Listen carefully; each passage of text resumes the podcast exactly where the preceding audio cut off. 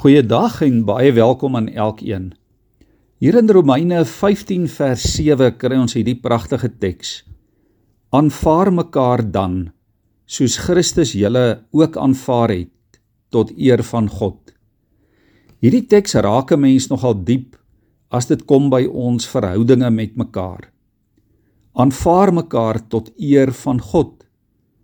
Ja, as ons ander mense aanvaar of in ons kring toelaat, of 'n pad met mense stap of vriendelik is met iemand en jou hart vir iemand oopmaak, dan eer ons God daardeur.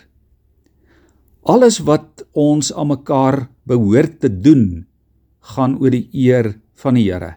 Dit gaan nie oor hoe goed dit my laat voel of hoe opbouend dit is vir die ander persoon of hoe positief dit is of hoe goed die daad is of oor hoe dit die gemeenskap kan bevoordeel of kan ophef en of dit so wonderlik is dat die mense in die wêreld dalk daaroor praat nie.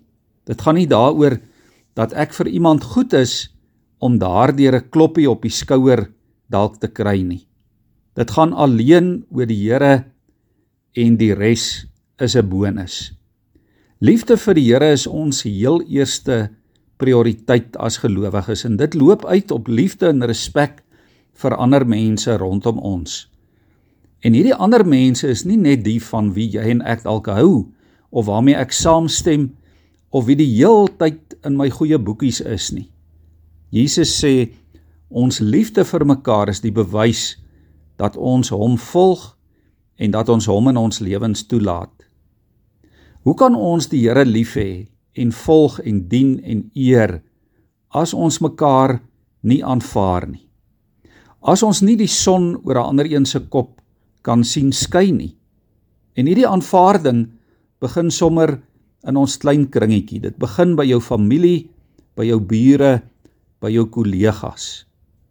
Die belangrike is ook dat as ek iemand aanvaar en dit ook vir daardie persoon en vir die wêreld moet kan wys. Aanvaarding van mekaar gebeur nie in die geheim nie. Dit gebeur nie in afsondering nie. Ek aanvaar ook nie iemand maar ek wil nooit met daardie persoon kontak maak of met hom of met haar gesien word nie. Ek weet dat verskille dit vir ons baie moeilik maak om iemand sommer net so met geite en al te aanvaar. En natuurlik, liewe vriende, beteken dit nie om iemand anders se foute sommer net goed te keer nie. Maar as ons onthou ons aanvaarding van mekaar gaan oor die eer van God, dan word dit makliker en ligter. Die Here aanvaar ons elkeen tog onvoorwaardelik, net soos wat jy is.